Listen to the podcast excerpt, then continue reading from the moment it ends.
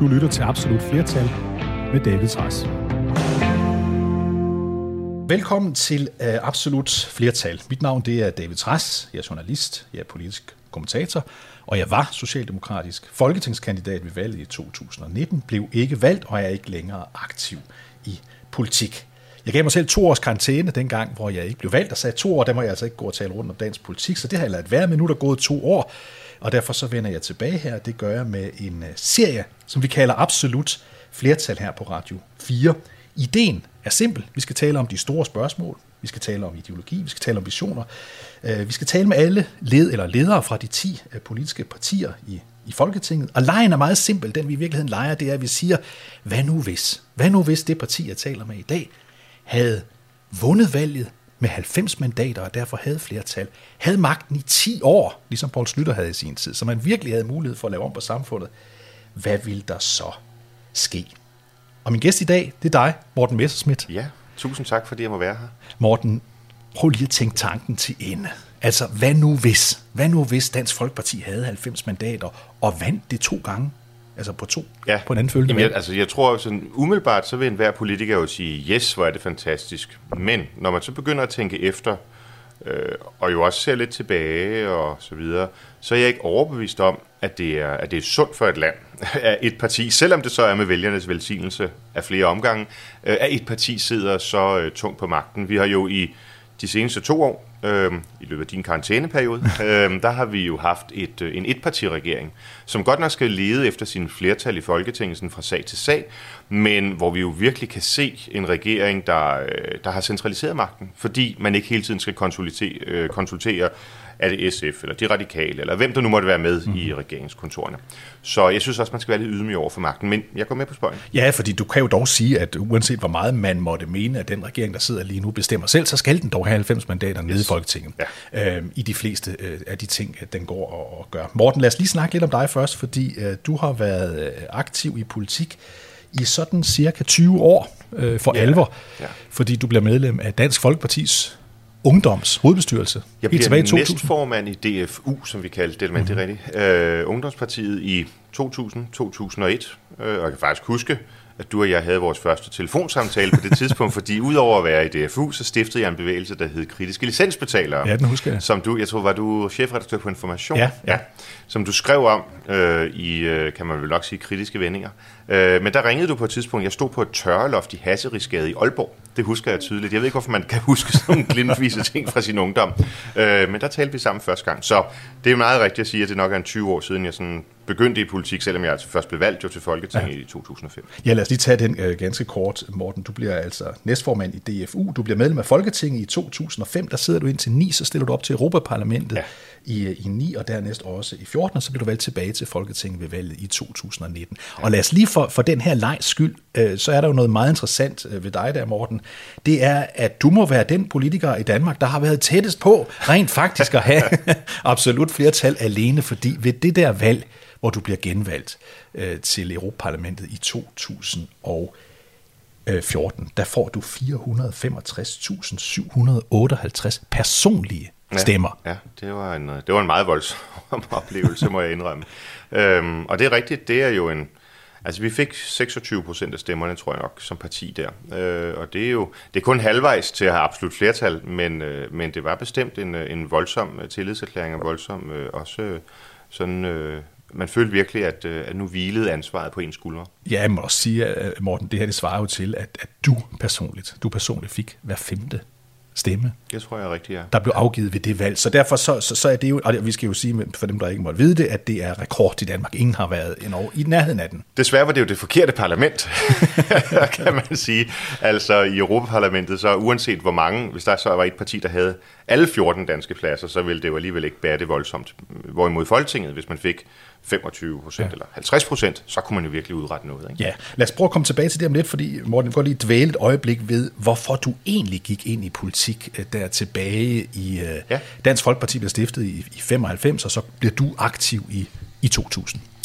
Ja, og det er i virkeligheden et sammenfald af nogle, jeg vil ikke kalde det tilfældigheder, men alligevel nogle ting, som som faldt tilfældigt ud på den måde. Altså, min mor øh, var meget øh, optaget af politik, og især EU-spørgsmålet.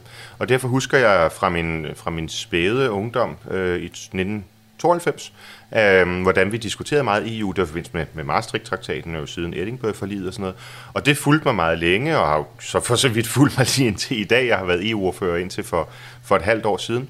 Øh, så det var en ting. Og så blev Øh, jeg i, øh, i midt-90'erne begyndte jeg på øh, et gymnasium i Valby. Jeg boede godt nok i Frederikssund, men, men valgte at gå i Valby på Sankt Anne Gymnasium på grund af musikken, som altid har interesseret mig meget.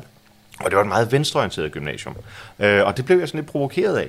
Så da Pia Kærsgaard i 95 øh, stiftede øh, Dansk Folkeparti, der lurede jeg lidt på det i nogle år og meldte mig så ind i juni 97. Både ansporet af, af, af EU-kritikken, der var helt tilbage fra min ungdom, men altså også for ligesom at provokere lidt i forhold til mine, øh, især lærerne, men også mine andre øh, mine kammerater. Og det kan man vel godt gætte sig til, Morten, at det var øh, noget af den værste provokation, man kunne komme med der? Ja, det var det. Der var meget voldsomme reaktioner, især fra lærerne faktisk. Det er lidt sjovt at tænke tilbage på, at... Øhm, Altså mine kammerater synes, det var sådan, tror jeg, egentlig meget sjovt, der var en, der tog stilling, og, og også turde tage en stilling, som var lidt anderledes end den almindelige. Det var jo sådan noget SF enhedslisten, ikke? Øh, som de fleste stemte på der, og radikal, hvis man var rigtig højorienteret. Øhm, men lærerne, altså der var virkelig nogen, der bare sådan, som jeg havde haft et rigtig godt forhold til, som pludselig ikke ville tale med mig uden for timerne og sådan nogle ting. Det var, det var voldsomt at opleve. Og, og det er selvfølgelig fordi, at Dansk Folkeparti er kommet der i 1995 udbrydere af, mm. af Fremskridspartiet naturligvis øh, stiller op til kommunevalget 97, overraskende stort og stærkt valg, og så selvfølgelig folketingsvalg i 1998. Ja, lige præcis. Og vi var jo på mange måder en enfant terrible. Altså, der var jo ingen tvivl om, at at øh, oppositionens leder, hvis man kan sige det, så som Uffe Ellemann Jensen, der jo var statsministerkandidaten i 98, altså han hader og havde det mm. Dansk Folkeparti og, og Pia Kærsgaard, og derfor var det jo på mange måder sådan et non-grata-parti i, i de der år, indtil, indtil få sådan set laver alliancen og frem mod Øh, valget i, i 2001. Ja, fordi for yngre øh, lytter er det måske værd at erindre om, hvad Uffe Ellemann Jensen egentlig sagde om Dansk Folkeparti, dengang han var Venstres formand og far, i øvrigt til nuværende formand Jakob Ellemann Jensen. Men Uffe Ellemann Jensen sagde dengang, at det ville være frygteligt, hvis Dansk Folkeparti fik magt. Øh, Poul Nyrup Rasmussen i en mere berømt udtalelse, da han var mm. statsminister, sagde jo selvfølgelig også øh, stuerene, det, det bliver I aldrig. Det var den stemning, der var dengang. Ja, det var, en, øh, det var på mange måder en vild tid, og det gav også en, øh, altså det gav lidt en korpsånd i, i partiet, kan man sige, fordi vi netop følte, at vi, vi blev faktisk dårligt behandlet af, af alle. Øhm, og, og derfor var der sådan meget skulder ved skulder. Øhm, og den, altså det er klart, nu er Dansk Folkeparti 25 år, og der er meget øh, vand, der er løbet gennem åen osv., men, men den er der stadigvæk. Og det vil jeg sige, det er noget af det, som på det sådan organisatoriske, personlige plan nok adskiller os i hvert fald lidt fra andre partier. Ja, for, og du er jo så også en af dem, der har været med stort set hele tiden. Du siger, du melder dig ind i, i, i 97, ja. og partiet bliver ja. stiftet i 95. Der er ikke mange, der har været med længere tid end, end dig naturligvis. Jeg har et fire, firecifret medlemsnummer. det er meget, det er høj kurs. ja, det, det kan jeg forestille mig. Så, så, så, så I var ikke mange der, øh, der i starten. Men, men, men Morten, du kommer ind i politik på den måde, eller sådan får en, en fremtrædende rolle i partiet på den måde, at du starter med at være assistent ja. for Måns Kammer, ja, som jo var en af dem, som partiet havde, havde, det var et scoop, fordi han kom fra at have været i tidernes morgen politisk ordfører for Socialdemokratiet. Ja. Kom jeg husker over til det meget tydeligt. Det var i, øh, i forbindelse med Europaparlamentsvalget i 99, øh, og der havde jeg så været medlem der i et, i et par år. Øhm, men der bliver Mogens Kammer værvet, kan man sige. Han var faktisk øh, socialdemokrat indtil om morgenen, mm-hmm. øh, jeg tror en dag i marts, øh, hvor han så øh, melder sig ud og melder sig ind i DF og bliver vores spidskandidat.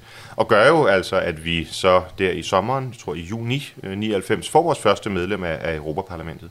Øhm, var min første sådan, valgkamp på, hvad kan man sige, organisatorisk niveau. Jeg gik rundt og delte folder ud og argumenterede mm. og så videre, og mærkede den der gejst. Jeg var rundt med DFU'erne, vi lå på, i, i telt, øh, boede i telte rundt omkring på Hjallerup Marked og Ho Formarked, og jeg ved ikke hvad. Det var, det var en fantastisk øh, hyggelig tid. Øhm, og øh, lærer så jo Mogens at kende løbende. Især faktisk under det følgende års store begivenhed, nemlig øh, euro- eller krone-afstemningen, mm-hmm. øhm, hvor øh, han får lidt øje på mig, initieret af min egen ihærdighed. jeg er meget sådan opsøgende over for ham og prøver ja. at arrangere nogle møder. Jeg synes, han er en meget spændende og fascinerende person, og vi udvikler i de der første år i, i nullerne et, et nært øh, venskab, øh, som varede helt indtil han desværre døde her for i 2016. Og lad os lige, Morten, inden vi kommer hen til det, der egentlig er spørgsmål, nemlig hvad nu hvis I havde absolut flertal i Folketinget, lige sige det, at det, det er vel også lidt bestemmende for, hvordan du tænker, fordi, fordi, ja. fordi Kammer blev jo ofte kaldt en ideolog. Ja, jamen der er ingen tvivl om, at altså, Kammer var meget definerende for det politiske program, som Dansk Folkeparti endte med at have der i starten af nullerne, og hvor vi navigerede, navigerede os hen. Øhm, man kan vel næsten, hvis man skal sætte det sådan lidt på spidsen, så kan man sige, at Dansk Folkeparti er et produkt af to yderpunkter. Øh, det ene er Måns Kammer, den anden, er, den anden er Søren Krav, øh, som jo holdt meget af hinanden, og mhm. kom jo frem til mange af de samme konklusioner, men med helt forskellige analyser. Øh, og derfor føler jeg mig meget privilegeret ved at have, have haft et, et tæt forhold til dem begge, og har i forhold til det, som selvfølgelig er Søren Krabs øh, udgangspunkt, nemlig kristendommen, øh, har lige udgivet en bog, øh, skal ikke sidde her og gøre reklame, men, men hvor jeg har prøvet at forklare netop rejsen fra den meget kammerske, ateistiske, øh, rationalistiske tilgang til politik, til liv osv., til livet, og så en, en gryende forståelse for, hvad det var Søren Krav øh, har forsøgt at sige gennem sit forfatterskab. Øhm, og nu, nu ligger jeg sådan et andet sted i spændingsfeltet, nok, nok midt imellem. Og Søren Krav, skal vi sige, var mange år i folketingsmedlem, ja. også for Dansk Folkeparti, foruden en kendt, uh, kendt præst og tidværvsleder uh, i virkeligheden i bevægelsen mm. tidværv.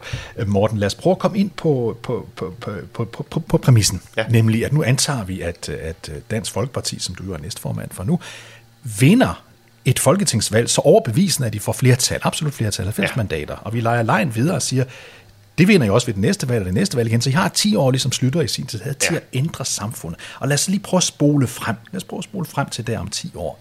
Hvordan, Morten, vil vi sådan for alvor kunne have set en, en eller flere markante ændringer i Danmark, hvis det skulle ske? Det vil i hvert fald være på, øh, på udenrigspolitikken i den forstand, at noget af det første, vi vil sætte i værk, det er en forhandling med, med Storbritannien, med Norge, øh, Schweiz, Liechtenstein og andre EFTA-lande, øh, Island osv., øh, for at man kan lave en, øh, en alternativ frihandelsaftale, øh, for at vi kan komme ud af EU. Øh, britterne er det jo lykkedes for. Jeg er ret sikker på, at det skal nok gå dem godt, både økonomisk og politisk osv., øh, igennem de kommende år, hvor de jo nu har mulighed for at lave frihandelsaftaler med økonomier, der rent faktisk vækster i Asien osv., og, og på den måde ændre deres øh, eksportpolitik. Så det vil være et område, vi måske kan komme, komme ind på, altså at komme ud af, af EU's politisk omklamrende union, mm og så ind i, en, øh, i det, som jeg egentlig tror, de fleste danskere forventede, vi ville få i 72, da man stemte ja, nemlig en frihandelszone, som, som ikke har den politiske overbygning. Så er det klart, at det er svært at komme ud om udlændingepolitikken. Øhm, der er øh, nogle internationale konventioner, som, øh, som øh, vi ønsker at øh, enten komme helt ud af, eller at øh, genratificere, øh, men på nogle andre præmisser. Øh, for eksempel statsborgerskabskonventionen, hvor faktisk flere EU-lande i dag øh, har valgt at sige, at de står udenfor, blandt andet øh, Frankrig, Storbritannien og andre, øh, sådan at man godt kan fratage øh, eksempelvis dømte terrorister deres statsborgerskab, selvom de måtte ende med at blive øh, statsløse, eller statsborgerskabsløse. Øh, så udlændingepolitikken er bestemt et, øh, et område. Og så er det klart, der er en masse, altså der kan man sige, det, det er for mig at se de to sådan, bærende bjælker. Men så er det klart, der er også nogle andre områder, der er noget på velfærdspolitikken, øh, hvor øh, vi jo meget gerne vil gøre mere for, for de ældre. Øh, det vil vi helt klart øh, slå igennem på øh, og gøre, gøre mere ud af. Det er virkelig en kamp. Øh, det er sjovt, når man kommer til folketingsvalg i dag, øh, i, i den virkelige virkelighed, øh, så vil alle gerne sige, at de gør noget for de ældre, men når man så sidder og forhandler, så er der altså lige pludselig en hel masse andre som, øh, grupper, som, som man, skal, man skal igennem først. Der vil vi nok sætte, sætte dem, dem allerførst. Øh, kulturpolitikken, mm. skolepolitikken, jamen der vil være rigtig mange steder, hvor man vil kunne se en, øh, en forandring øh, i forhold til det, vi har i dag. Det er meget sjovt, de her emner, som du siger, er fundamentet for det hele, fordi øh, du ved jo, at jeg i sin tid, vi skal tilbage ja. i 2002, det er lang tid siden, for 20 år siden, udgav en bog om, om Dansk Folkeparti, den hed Danskerne først, en historie om Dansk Folkeparti. Øh, det var ikke nogen hyldesbog til, til, til Dansk Folkeparti, ja. bare for at folk skal vide det, men i den, øh, der laver jeg en simpel konklusion, nemlig at, at, at Dansk Folkeparti er baseret på i virkeligheden tre simple ting. Punkt 1, øh, stop indvandringen. Punkt 2, stop EU.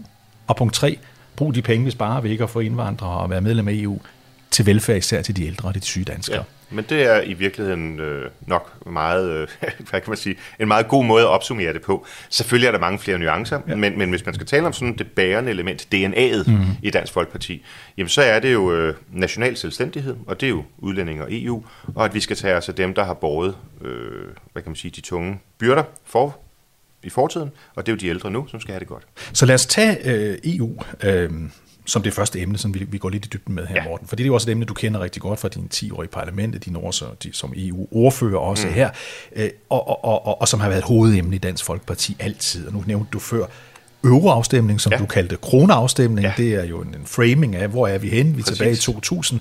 Nogle ønskede at indføre euroen, andre ville beholde kronen. I kaldte det en kroneafstemning. Så det har sådan været et, et, et fast øh, ting ved, ved Dansk Folkeparti. Og det, som folk så siger, når de taler om jer, Morten, det er, det er urealistisk. Altså, det er simpelthen for dumt at tale om, at vi skal ud af EU, for hvorfor skal vi dog det? Mm. Denne organisation har virket så godt for fred og øh, samhandel og, og øh, alt mulig koordination af europæisk politik i så mange år. Plus det er, plejede man at sige, indtil britterne meldte sig ud, faktisk umuligt. Mm. Det nu, var det jo så ikke. Nu ved vi, man kan. Så kan man sige, at det er umuligt for et lille land. Ja. Altså, så kan man modificere, og på den måde kan man jo hele tiden forsøge at tilpasse sine argumenter i virkeligheden. Øh, jeg tror ikke, det er umuligt. Altså, jeg tror ikke, at det er umuligt at agere som en fri og en øvrigt velhævende nation mm. uden for, for EU. Det er klart, at lige så længe EU er der, har vi en interesse i at have et godt forhold til EU. Og sådan er det jo faktisk også i dag. Altså hovedårsagen til, eller hvad kan man sige, det væsentlige gode for Danmark i forhold til EU er egentlig ikke så meget, at vi er medlem. Det er, at det er der. Mm-hmm. Altså i den forstand, at når vi så eksporterer varer til de 26 andre lande, så skal man kun overholde én standard. Om Danmark meldte sig ud, eller fik en frihandelsaftale, vil ikke gøre nævneværdigt i forhold til, øh, til, til, til det økonomiske i hvert fald. Og det ser vi jo også med Norge og Schweiz og andre lande, som jeg, som jeg nævnte mm. øh, før. Og jeg tror, at Storbritannien vil, vil vise vejen. Altså jeg oplever i hvert fald ikke mine tidligere britiske Tory-kollegaer som nogen, der siger, at øh, nu er det sådan splendid isolation. Øhm, nej, man vil faktisk gerne det internationale samarbejde. Og nu skal vi selvfølgelig sige, at den periode, hvor, hvor, hvor britterne har været øh, på vej ud eller ud af EU, sådan set har været næsten øh, sammenfaldende med den periode, hvor vi har haft corona, så tingene har været lidt mere lukket end ja, ellers, bare rigtigt. lige for, for at holde fast, hvis nogen skulle tænke på det. Ikke? Men, men Morten, prøv at, at sige helt konkret, hvorfor? Altså, hvorfor skal vi ud af EU? Jamen, det handler om øh, national selvrespekt. Altså, øh, der er i min optik alt, alt for mange områder, øh, hvor, hvor EU både har en overhøjhed og tvinger os til at føre en politik, som der ikke er opbakning til, som Folketinget ville gøre anderledes, hvis vi, hvis vi måtte, men også jo hele tiden tiltager sig nye beføjelser. Og jeg har tit, når man har siddet over et glas rødvin, tænkt, hvad er egentlig værst? Altså, at vi har overdraget en masse beføjelser, som EU så forvalter på den måde, eller at vi har overdraget EU-beføjelsen til selv at bestemme nye områder. Mm. Og jeg tror virkelig, det er det sidste, øh, som, som jo nok er det mest skadelige, øh, hvor, hvor vi ser et EU-domstolen, men jo også parlament og kommission osv. hele tiden æde sig ind på nye ting. Så er det arbejdsmarkedspolitik, så er det dele af udlændingepolitikken, hvor vi ellers har et retsforbehold osv. osv. Helt grundlæggende øh, er jeg... Øh, altså jeg tror godt, jeg kunne, hvis jeg havde levet i 72, have været overbevist om at stemme ja på de præmisser, der blev givet fordi man jo netop sagde, at det handlede om frihandel. Mm-hmm. Jeg havde nok også lyttet til blandt andet Måns Kammer dengang, der som en af Socialdemokraterne, der sagde nej, jo argumenterede for, at det ville ikke stoppe der. Øhm, men, men, men hvis man havde holdt med det, mm, så tror jeg egentlig, at, at man langt hen ad vejen kunne have fået en meget bred opbakning. Men synes du nu, altså efter snart 50 år, hvor Danmark har været medlem af den europæiske union, 50 år med, med fremgang, altså økonomisk fremgang, i de lande, der er medlem af den europæiske union, med fred mellem de lande, som er medlem af den europæiske union, øh, også dem, der er kommet med undervejs. Øhm, synes du så alligevel, når du kigger på det samlede billede, at det er, det er værre, end det er godt? Ja, altså den relevante sammenligning er jo at se på de lande, der er med, og de lande, der ikke er med. Mm. Og de lande, der ikke er med, men som kunne være kommet med, er jo ikke blevet signifikant fattigere eller mere ufredelige øh, i de år, der er gået, øh, end de lande, der er med. Tværtimod synes jeg, at man må indrømme, at, at, at den meget stærke integration, som for eksempel euroen har medført, jo altså har skabt nogle meget voldsomme spændinger øh, mellem især eurolandene.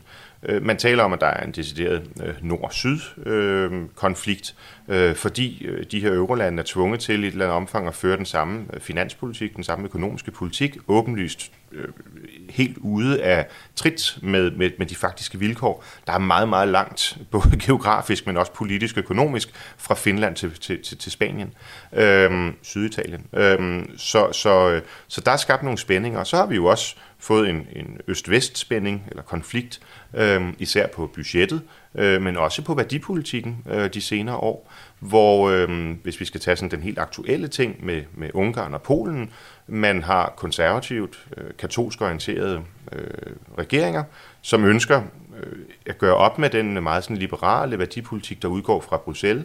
Øh, jeg synes ikke, man kan tale om, at der er fredelig sameksistens mellem von der Leyen og Orbán for eksempel. Og der er dog ikke krig. Der er ikke krig. Nej, nej, det er der nu heller ikke mellem, øh, mellem Norge, Schweiz og Liechtenstein osv. Jeg, jeg, jeg ser bare, at de lande, som er udenfor, altså de vestligt mm. orienterede lande i Europa, der er uden for EU, de har en større grad af tolerance over for, at der føres en anden politik i de lande, øh, som vi for eksempel ser i, i, i, i Østeuropa, eller Centraleuropa, om du vil. Øh, i stedet for at skulle pludselig have en holdning til, hvordan skal abortreglerne og skolepolitikken være i Polen? Men det er jo, det er jo et interessant spørgsmål, du, drejer, du, du, du rejser her, øh, Morten. Hvorfor, hvorfor skal EU blande sig i, om man for eksempel på et stadion i, i øh, Ungarn under fodbold-europamesterskaberne ja. må have lov til at have øh, pride-flag oppe, eller ej? Eller ja. hvorfor skal EU blande sig i, om man må have lov til at have abort i det enkelte land? Er det på sådan nogle områder, hvor du føler, at unionen, Bruxelles, bestemmer for meget over det enkelte land. Ja, og, øhm, og det er jo i virkeligheden, altså min bekymring går faktisk dybere, fordi altså, jeg tror, i, i, i mange af de der spørgsmål er jeg jo nok mest på linje med Bruxelles. Altså, jeg er jo tilhænger af de mm. abortregler, der for eksempel gælder i Danmark i dag. Øhm, men, øh, men øh, når man laver indgreb på de her spørgsmål, meget følsomme spørgsmål, så vender man jo befolkningerne imod sig altså, alt den lige, de, de regeringer, der sidder i Østeuropa, er jo valgt, altså deres vælgere. Så kan man sige, at der er noget med mediepolitikken, og der er noget med valgregler og sådan nogle ting. Jo, jo, men det er der altså også i vest, vesteuropæiske lande, eller vest-EU-lande, de er valgt. De har en meget stor opbakning. Og har man brug for, for et samarbejde, der siger, at man vil forene i mangfoldighed og skabe fredelig sameksistens osv., at bestemme, hvad de vælgere så må få igennem eller ej, Altså, vi taler jo ikke om øh, progromer imod homoseksuelle. Vi taler om, at man siger, at i skolebøger vil vi gerne fremme øh, synspunktet om den traditionelle kernefamilie osv. Øh, og at EU gør det sådan til et, et, et definerende projekt, så at øhm, Pride-flaget, der jo altså indeholder mange politiske konnotationer, som i hvert fald også støder meget væk i forhold til øhm, øh, adoptionsregler, hvad skal et ægteskab bestå af, hvordan skal det anerkendes osv., øh, at det så skal være efter EU-retten noget, man kan tvinge igennem. Så det du ville sige, det var, at hvis Dansk Folkeparti havde absolut flertal, havde det i lang tid, så ville man afsøge muligheden for uh, på sigt at melde Danmark ud af Helt den europæiske bestemt. union, som vi ja. kender i dag, og det ville vel også så lykkes, hvis I havde flertal så lang tid? Ja, vi vil nok have den ydmyghed over for projektet, at vi ville planlægge det, selvfølgelig, øh, og øh, lave en aftale, og så skulle danskerne spørges. Altså det er ikke noget, vi ville køre igennem med et simpelt flertal, eller et almindeligt flertal på, på Christiansborg. Heller ikke selvom vi så havde, havde muligheden for det. Det er en så afgørende øh, beslutning, at jeg synes, ligesom det var danskerne, der træffede afgørelsen om, at vi kom ind, øh, at det så også skal være en folkeafstemning. Men, øh, men vi vil meget gerne forberede arbejdet, og øh, det kræver jo altså, at man har flertal for det, fordi det kræver nogle forhandlinger, øhm, som man ikke bare som oppositionsparti eller et mindretalsparti kan sætte i gang. Men vi kan jo roligt sige, at hvis I skulle få flertal på 90 mandater, så ville det blandt andet også være et mandat fra borgerne om, at det, den retning skal så ja, efterprøves. Det, det, det, må, rigtigt. det må det man sige sig selv. Ikke? Så, så lad os nu antage det, Morten. Vi er ikke længere medlem af den europæiske union. I har foreslået en afstemning. Denne afstemning har gået jeres vej. Ja. Øh, danskerne siger, at vi skal ud af den europæiske union, så vil det sikkert gå en to-tre år, ligesom det gjorde med britterne med at mm. komme ud, men på et eller andet tidspunkt vil vi så være ude, ja. og det vil vi jo så nok være på det der tidspunkt om 10 år. Hvad så, Morten? Vil vi så være et lille, bitte land heroppe i nord, øh, der vil blafre rundt i, øh, i, i verden uden øh, stærke alliancer? Nej, jeg er glad for, at du beskriver det på den måde, fordi så er det nemt at sige, det vil vi bestemt ikke. Nej. Altså, vi vil jo på to to eller tre ministerier vil blive oprettet, tror jeg. Øh, det ene vil handle om at gennemgå EU-lovgivningen og EU-dommen med en tættekam i forhold til, hvad, øh, hvad, hvad kan vi komme ud af? Altså alle de afgørelser, som i dag øh, giver os en, en, en, en retsstilling, som, som vi i hvert fald synes er fjollet. Fordi at Danmark ikke selv kan bestemme, hvad der skal ske. Ja, lige præcis. Og det er jo især på de her følsomme områder, men det kunne også være på, på socialpolitikken, for eksempel på, på overførsels- og uddannelsespolitikken. Altså et, et konkret eksempel, det her folketing øh, har jo igennem de seneste, jeg tror, otte år, vedtaget et loft for, hvor meget SU vi vil udbetale til, til især østeuropæiske mm. studerende, der kommer til Danmark. Hvert år, når vi nærmer os øh, jul, så bliver loftet overskrevet. Og så sidder folketingspartier og siger, nå, det var nok ærgerligt, så hæver vi loftet. Det gider vi ikke mere. Altså, vi vil gerne sætte nogle krav for, hvad det er for nogle sociale ydelser, for eksempel, man, som, som, som øh, lovlig udlænding, lovligt ophold udlænding i Danmark kan, kan modtage. Fuldstændig som det jo gælder for amerikanere, australier og alle mulige. De er jo opfattet nogle andre regler, men fordi du er EU-borger, hvis du kommer fra Bulgarien, Rumænien, øh, Kroatien osv., ja, så er du privilegeret. Der vil vi have en minister til at sidde og have en portefølje, der hedder gennemgå nu, hvad kan vi komme ud af, vil ikke længere være medlem af EU, hvad er vi forpligtet på på grund af den frihandelsaftale, vi har lavet med, med EU, og så få, få, få, få den lovgivning i gang. Og så er der jo alt det, der gælder, som ikke har med EU at gøre.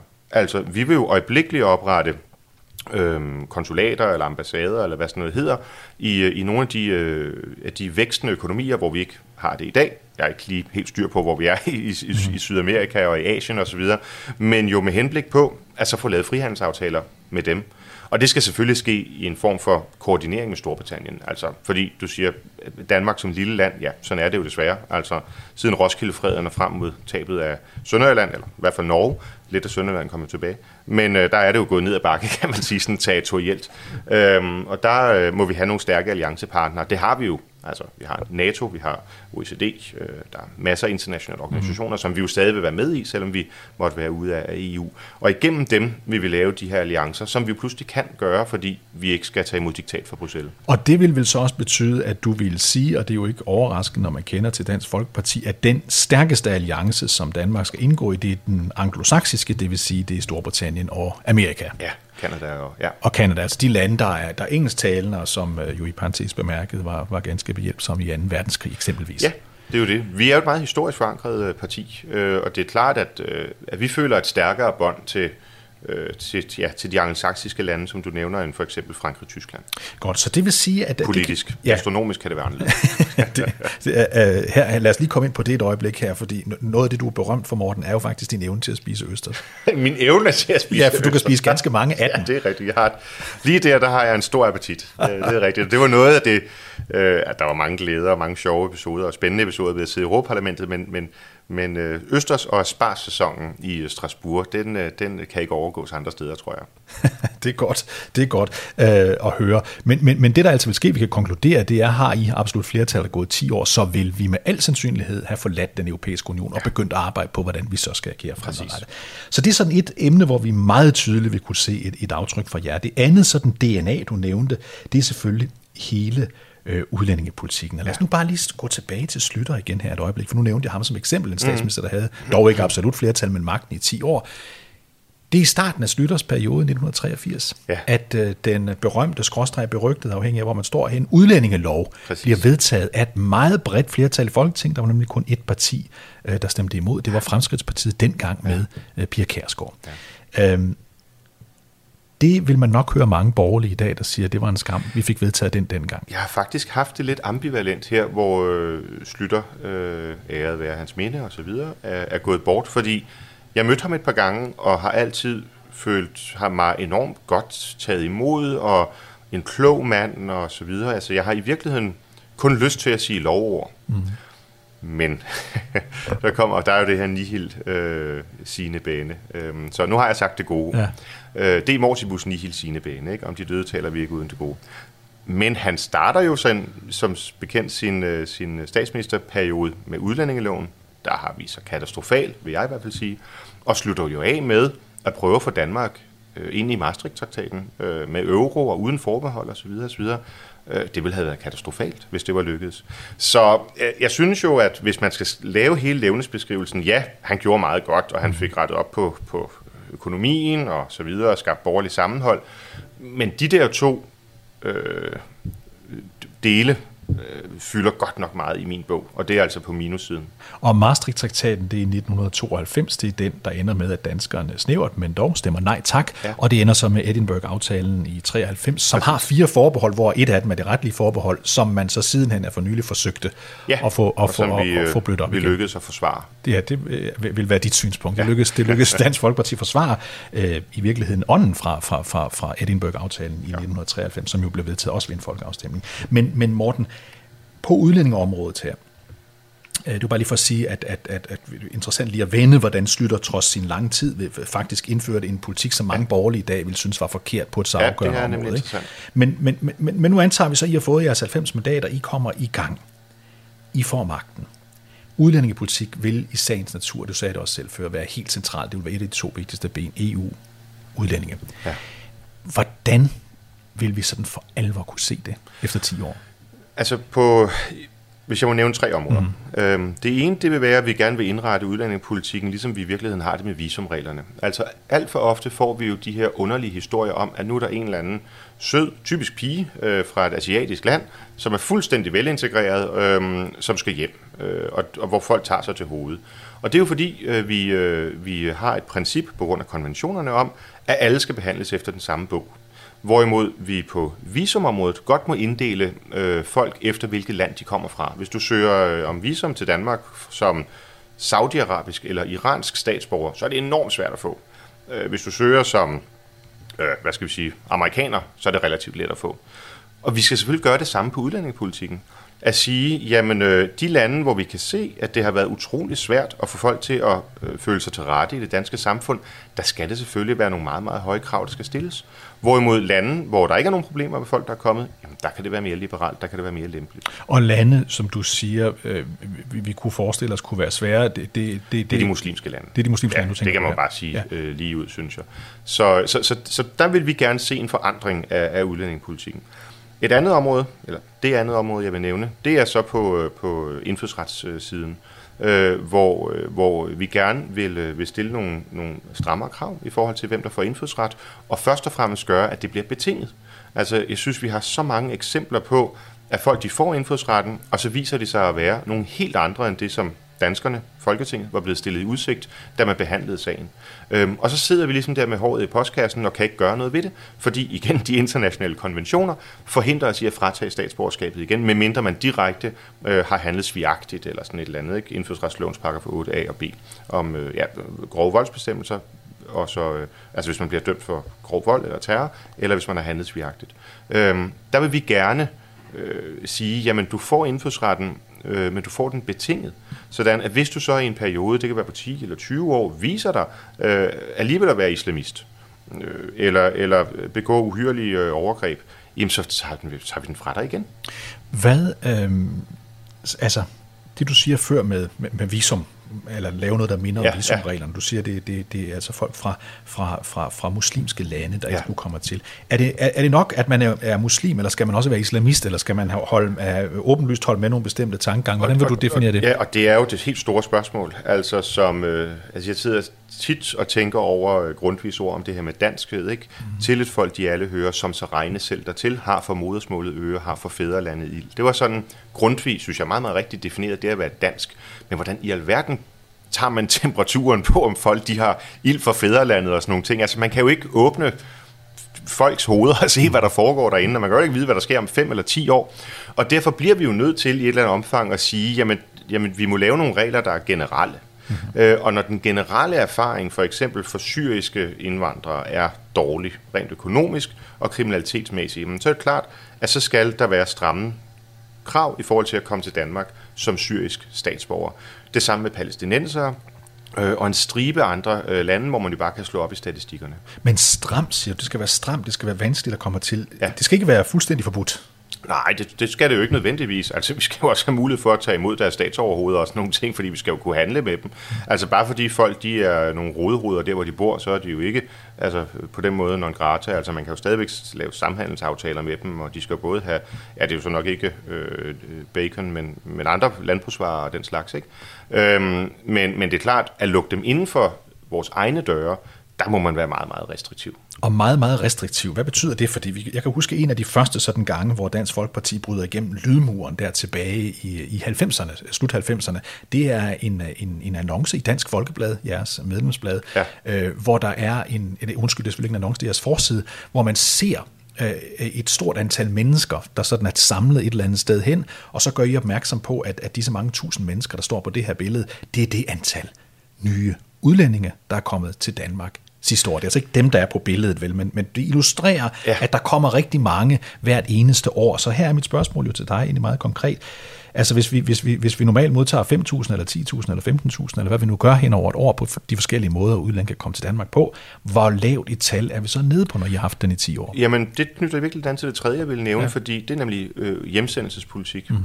Altså, øh, jeg vil sige, at med det forbehold, at der jo er enormt stor forskel på, på mennesker, øh, det er klart, øh, det er ikke alle muslimer, der er islamister osv., så, videre, og så, videre, så er vi nødt til at have en politik, hvor antallet af dem, der føler sig fremmede i Danmark, det kan man jo godt sige om mange af dem, mm. der mhm. for eksempel bor i, netto, øh, i ghettoområderne, jamen der skal være en, en netto udvandring.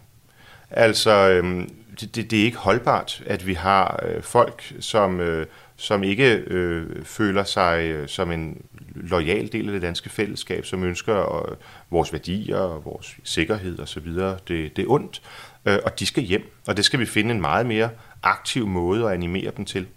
Øh, så, så jeg har ikke en ambition om, at der skal komme folk netto til Danmark fra de muslimske lande. Jeg har snart den modsatte. Men det betyder jo ikke, at vi skal lukke Danmark. Altså øh, folk, der kommer og som arbejder og indgår i det danske fællesskab, og jo typisk øh, stort set alle dem fra den vestlige kulturkreds. Selvfølgelig er der undtagelser. Det er der i alle, i alle modeller. Men, men, men, men de skal jo have lige så fri adgang, som der er i dag. Så det, der vil ske, øh, Morten, efter 10 år øh, med jer, det er, altså nogle, det er faktisk altså konklusionen på det her udlændingeområde, det er, at der vil være ikke en netto indvandring, men en netto udvandring. Fra de muslimske lande. Fra de muslimske lande, ja. ja.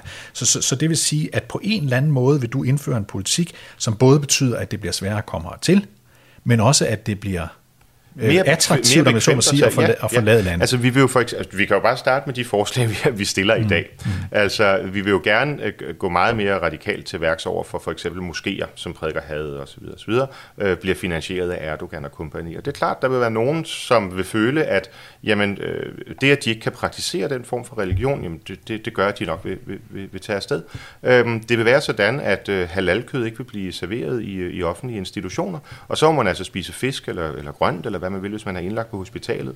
Øhm, og det kan være, at der er nogen, der føler, at det vil være så ubekvemt, at så vil man hellere bo i Teheran. Fred være med det. Og på samme måde, altså i forhold til folkeskolerne, der vil, øh, der vil øh, ved højtiderne vil det være naturligt, at man går i kirke, og det gør man altså uanset om man er jøde eller muslim, fordi kristendom er en integreret del af dansk kultur, osv.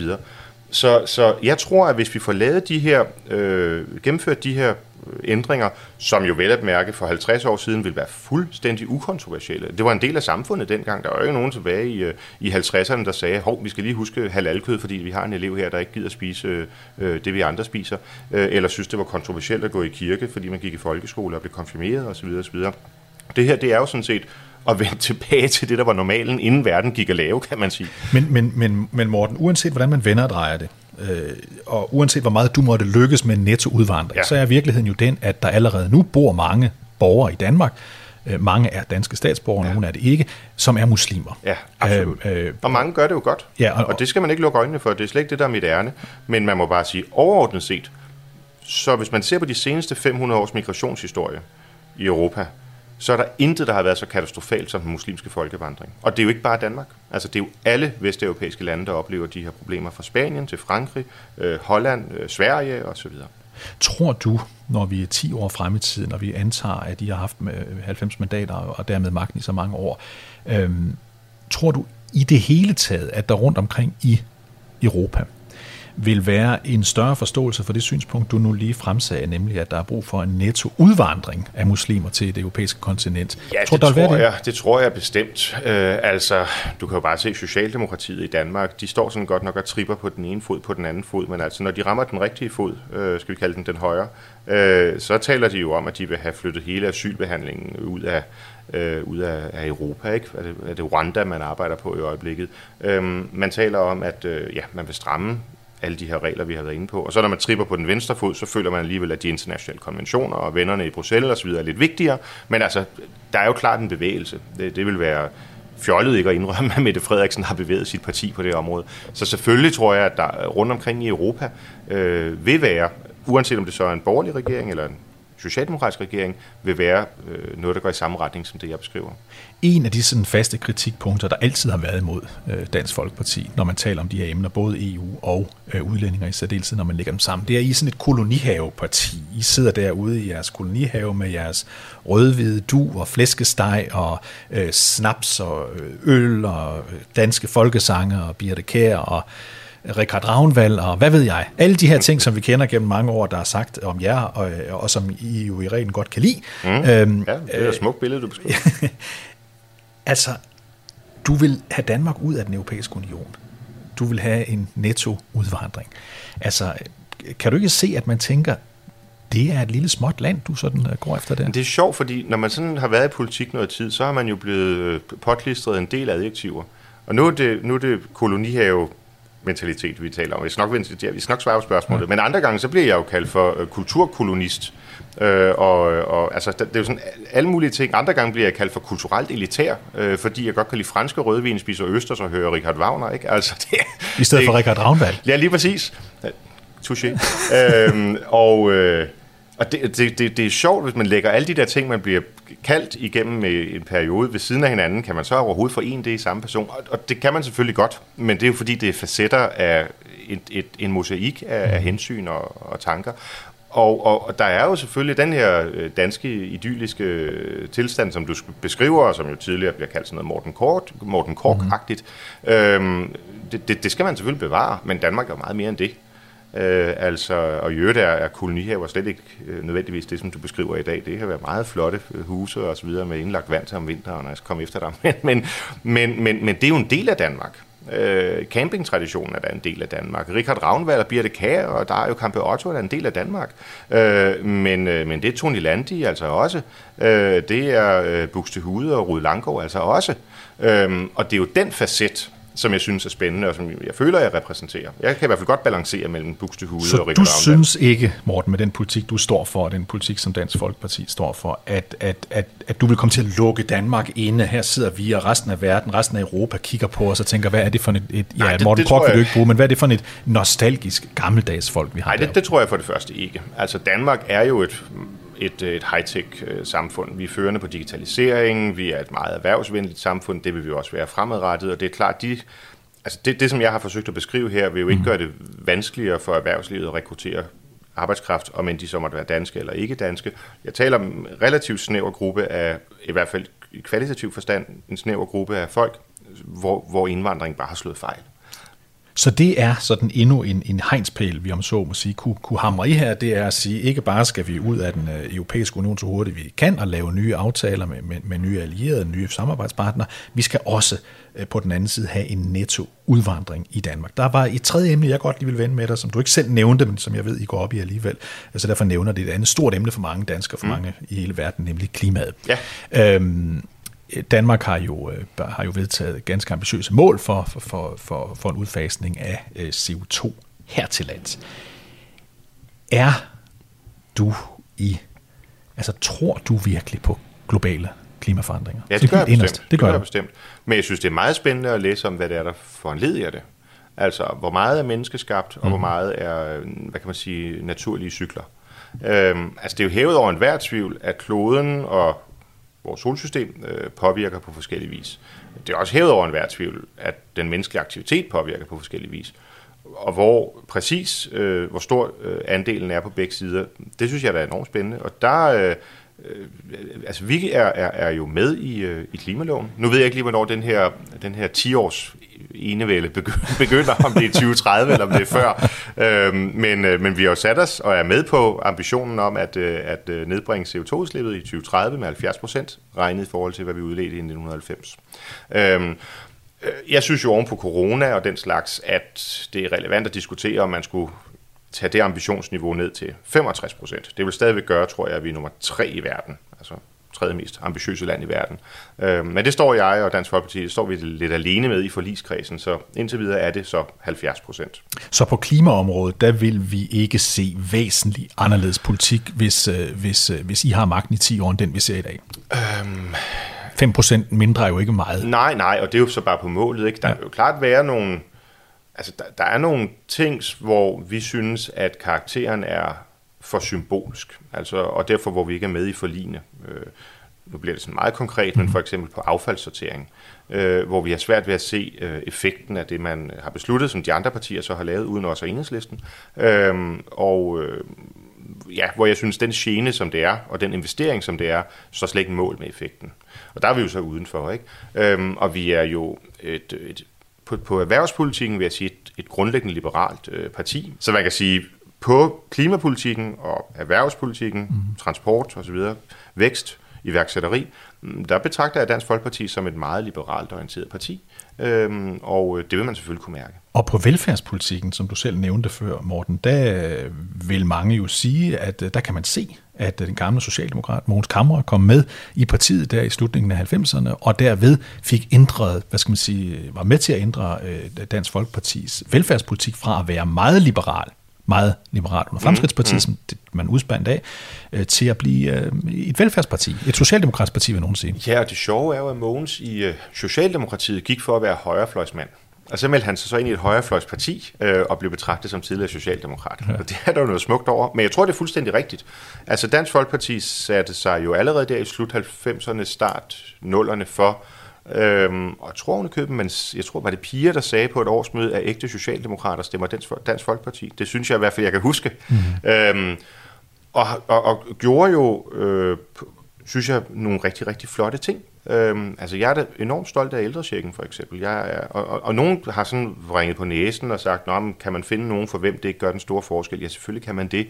Men der er godt nok også mange ude i samfundet, for hvem det gør en kæmpe forskel. Det, at vi nu har fået fjernet øh, den, den negative indeksregulering af folkepensionen osv., altså alle de der ting, det gør bare en forskel for folk. Øh, og øh, ja, det, det synes jeg stadigvæk er kerne-DNA for, for Dansk Folkeparti. Og det har det jo været, det har været hårdt nogle gange, både i Fogs tid og i Lars Lykkes tid, at skulle sidde og varetage de der interesser, fordi typisk så de andre borgerlige partier, jamen, øh, det er lidt nogle andre ting, de gerne vil bruge pengene på. Morten, vi skal lige prøve en, en, en, en anden leg i forlængelse af det her, hvor vi taler om de store linjer, som vi har talt om nu her i, i det meste af programmet. Men, men lad os lige for sjov skyld sige, at nu nævner jeg fem navne ja. som jeg forestiller mig, at hvis det nu var i morgen, der var valg, og I fik de her 90 mandater, og I derfor kunne danne regering, så, så, så nævner jeg jo vel ikke remse hele ministerlisten op, men jeg nævner nogen her, som jeg forestiller mig. Det er jeg altså ikke helt sikker på, at en leg, jeg kan lege. Det er jo Nej, men, trods alt er jeg kun næstformand. Nu, det er altså nu, Thulesen, der sætter nu, holdet. Det ved vi godt, men nu leger jeg må jo gerne lege lejen, så kan du sige, at du ikke gider være med, ja, når okay. jeg har sagt det. Ikke? Øh, fordi jeg forestiller mig så, at det er naturligvis, eftersom det er Christian Tulsendal, der er formand på nuværende tidspunkt, så er det ham, der bliver statsminister. Så forestiller jeg mig, at du bliver udenrigsminister. Vi kan lige komme tilbage til, hvad du mener om det bagefter. Jeg forestiller mig, at Pia Kærsgaard, partistifteren, fortsat vil få en rolle som kulturminister. Jeg forestiller mig, at Peter Kofod, der nu sidder i Europaparlamentet, kunne blive justitsminister.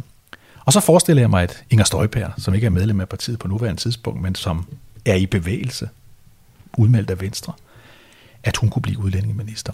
Er det sådan nogle, og nu skal du ikke sidde og sige, det lige det er den liste, jeg har liggende i om, det ved jeg godt, du ikke vil sige, men, men, men er det her noget, er vi, er vi sådan i, i et univers, der giver mening her? Ja, altså det, det er jo nogle helt rigtige navne, som du nævner, og jeg kunne få rigtig mange til, skal jeg sige, også af hensyn til, til, til andre gode og dygtige øh, kollegaer. Øh, det eneste, som, øh, altså jeg tror godt nok ikke, jeg vil være nogen god udenrigsminister. Altså det, øh, det, det, det, der skal man jo, der skal man jo hele tiden være villig til at bøje sig og gå på kompromis og så videre. Altså, det kan være, når jeg fylder 50 om 10 år, at jeg, at, at min, jeg kan jo virkelig se tilbage på, nogle, også når man skriver, eller nogle af de ting, jeg skriver ja. og skrev, da jeg var 30, der sidder jeg og tænker, ja, det er godt, det var den unge Morten, nu ja. kan jeg se, nu er jeg sådan et andet sted i livet. Så det kan godt være på et tidspunkt, men, ja, men, men, men, men det, kan jeg jo, det, kan jeg jo bekræfte, det kan jeg jo bekræfte over for, over for, for folk, der ikke var der kendt dig i så mange år, som jeg har, at, at, at du er blevet mild og rund. Ej, mildere og rundere. Ja, lad os se, øh, hvor det ender. Med, med, med årene, ikke? Øh, og det er det vel heldigvis sådan med Men jeg ved ikke, altså jeg har jo i en anden sammenhæng, da jeg blev kulturoverfører, mm. øh, det blev jeg for et halvt års tid siden, øh, sagt, at jeg synes jo, det i virkeligheden er, bortset fra statsminister, den fineste post, man kan have. Og især for en konservativ sindet sjæl. Øhm, Så jeg ved ikke, om piger måske skulle være udenrigsminister. det kan også være. Lad mig bare lige dvæle et øjeblik ved det udenrigsminister, så kan vi lige tage kulturen bagefter. Ja. Men, men, men Morten, der er, jo en, der er jo en parallel i det britiske system, hvor du kan sige, at, at, at der kunne Nigel Farage, anfører for, mm. for, for Brexit-kampagnen og din gode bekendte, øhm, jo have valgt at sige, jamen nu må jeg ind og, og, og tage ansvar her, fordi, fordi jeg, det var instrumental i forhold til, at det endte med et, et, et farvel og tak til den europæiske union. Han kunne have været altså, i sådan en situation sagt, jeg vil gerne indtage ansvar, jeg vil gerne være udenrigsminister eller den, der forhandler, vi skal ud af EU. Så blev det i stedet for Boris Johnson, øh, som siden blev, siden blev øh, premierminister, som valgte at tage den, altså har du ikke også som et særligt ansvar efter, som du har været den højt profilerede EU-profil i jeres parti jo, så lang tid? Jo, jo, med den, øh, jo, med den forklaring, så forstår jeg, hvorfor du havde lavet listen, som ja. du havde. Det giver mening. Jo, jeg vil meget gerne være den, der forsøger at forhandle udtrædningsaftalen af, af EU på plads. Den tager jeg gerne. Ja. Spørgsmålet er så, om man skal skille det ud til en selvstændig ministerpost, ja. og så have øh, en, en udenrigsminister, der kan tage rundt og varetage resten af verdens interesser, fordi det bliver jo meget stort, øh, ja. når, når de forhandlinger skal, øh, skal gå i gang, så det er rigtigt. Det er jo lidt, lidt anderledes med britterne, fordi Farage, jeg er fuldstændig enig, han har jo været, hvis ikke den, så i hvert fald blandt de mest instrumentale for Brexit. Mm-hmm. Men han har aldrig kunne blive valgt til underhuset. Ej. Altså i, i Europaparlamentet, hvor man jo har proportionalitetsvalg, der mm-hmm. får man det antal mandater, som man har fået stemmer, der har han været det største britiske parti. Men i, i underhuset, fordi man har enkeltmandskredse der, så har det ikke været muligt for UKIP eller Brexit Party at, at komme ind. Det siger jo også noget om, hvor underfundige øh, britterne de er, og det bygger jo på en historisk forankring. Danmarks Radio lavede en undersøgelse ved det sidste amerikanske valg, som ja. har et lignende system for ja. valg, som, som, som man har i Storbritannien. For hvis det nu havde været det samme i Danmark, hvis man nu havde samme system i Danmark, hvem, hvem ville så, hvordan ville Folketinget så se ud? Og der kan jeg så bedrøve dig med, at, at Socialdemokratiet, fordi de næsten i alle valgkredsen er størst, ja. ville ende med at have et meget, meget stort flertal i Folketinget, så vil Venstre have øh, næsten alle, der kom derefter, og så ganske få til andre, så vi vil få det samme billede. Men, og her kommer det sjov, hvis man lavede den samme, det har jeg nemlig set nogen gøre, for det berømte Europaparlamentsvalg i 2014. Ja. Det var der, hvor du fik over 20 procent af stemmerne. Ja. Der ville Dansk Folkeparti have vundet langt de fleste valgkredse. Er det rigtigt? Fordi I faktisk fik flest Nå. i langt de fleste Nå, valgkredse. Så, så, så, så, sådan ville det være. Men det har vi ikke i Danmark, og det får vi heller ikke, så det er sådan en ren fantasi at ja, ja, snakke om her. Præcis. Hvorfor vi kultur? havde det faktisk. Ja. Altså, det har eksisteret i Danmark. Grundtvig for eksempel, da han blev valgt på Langeland, der var det en enkeltmandskreds. Øh, og jeg kan ikke huske, hvornår man ændrede det, men jeg tror, det er omkring grundloven 1915, der går man over til proportionalitetsvalg. Så vi har haft systemet. Okay, okay. Det kan være det derfor, at det altid var det samme parti, der vandt alle. ja, det, er det. der vandt altid. Det handlede om at få for mange folk samlet sammen på, på pladsen, og så hvem stemmer for, og så ja. det er vedtaget. Lad os lige tage det med kulturen her mod slutningen af ja. udsendelsen. Vi vil snart at være færdige, Morten. Men, men du, jeg ved godt, at du blev kulturordfører, hvor du også ud at sige, at det var en post, der virkelig kunne interessere dig. Så gætter jeg på, at du vil gøre den til mere og andet, end at gå til, hvad hedder det, filmpremiere og teaterpremiere og den slags. Hvad er det, du vil? Vil det, vil det være en kamp for dansk kultur, eller hvad, hvad, hvad vil det være? Ja, det kan du godt sige, men det synes jeg vil være lidt for firkantet. Altså, for lige at tage den, så jamen, altså selvfølgelig øh, dansk kultur, øh, dansk historie, Øh, er jo definerende for den danske identitet og selvforståelse osv. Det kan du også se, ved at du kigger rundt på mit kontor her, mm. hvor vi mhm. sidder og optager. Jeg mhm. har et maleri fra, øh, da svenskerne blev slået af hollænderne kom ind i, øh, i 1658 op ved, op ved Kronborg. Herover har du Ise Christensen hængende øh, fra rigsretssagen, som de radikale ja, jeg kunne have lyst til at bruge det, et, et, et grimt ord der, men de radikale fik instageret, ikke? Og så har du C.N. David og Karl Plov hængende herovre bagved. Så, så selvfølgelig betyder historie og kultur noget. Men det er jo ikke kun det. Altså, øh, jeg vil enormt gerne, at især unge mennesker tidligt i livet oplever glæden ved i hvert fald en, men gerne flere af kunstformerne. Øhm, at folk, om de så er født i det, man kalder et hjem med klaver, øhm, får oplevelsen af suset ved at høre et symfoniorkester. Eller, eller øh, den der, hvor hårene rejser sig på, på armene, når man sidder i teatret, og skuespilleren gør et eller andet fuldstændig fantastisk. Altså at opleve de der kunstneriske udtryk, som jeg synes er et, et sjældent ekstra sprog, hvis man kan kalde det det, som man kan få i livet. Det er så værdifuldt. Og jeg var heldig at få det i en tidlig alder på grund af øh, nogle i min familie, som, som tog mig under deres vinger. Og det var især operaen og den klassiske musik. Det kunne også have været, øh, det kunne også have været øh, øh, billedkunst eller andet. Men, men det vil jeg enormt gerne, at især en ung alder, alle, uanset om man er født med en træ eller en sølvske i munden, får mulighed for. Men Morten, Altså, undskyld, men altså, lyder du ikke lidt gammeldags her? Altså, du, du tager, det vil jeg du, tage som privilegium. Ja, jeg ved det godt, Morten. To gange, to gange har du talt latin i den her udsendelse. Det... Du har talt om din glæde ved, ved, ved ikke Richard Ravnvald, men Richard Wagner. Og, og, og nu også øh, de, de gamle historiske figurer i Danmark fra, fra ja, ikke bare forrige, men forrige igen århundrede. Øhm, og du taler om skuespil og den slags klassisk musik. Øhm, altså, er det ikke også bare at være lidt gammeldags? Jeg tror i virkeligheden, i den her tilværelse, hvor stadig mere kører på de digitale medier, hvor overfladiskheden har trumfet øh, tænksomheden, der er der faktisk brug for at være lidt gammeldags. Altså, jeg tror, det er godt, hvis unge mennesker nedbringer deres skærmtid, som det hedder. Mm. Jeg synes, det er godt, hvis man i skolerne lægger telefonerne ude et andet sted og kan fordybe sig. Jeg synes, det er godt, at folk de behersker deres modersmål øh, og kender deres kulturarv. Jo, det synes jeg. Og jeg tror, man møder verden den spændende, smukke, udfordrende verden, vi lever i, møder man altså klogere og stærkere, hvis man kender sit eget udgangspunkt. Morten, øh, her det sidste og ganske kort. Vil det være godt for Danmark, hvis Dansk Folkeparti havde 10 år med absolut flertal? Det spørgsmål kan man som politiker jo kun svare øh, ja til, men jeg tog et forbehold i begyndelsen, øh, og det forbehold vil jeg gerne vil gentage. Folkestyret er smukt som Churchill sagde, demokrati er den værste styreform, bortset fra alle andre. Øhm, og, øh, og derfor er der noget godt i, at man skal lave kompromiser.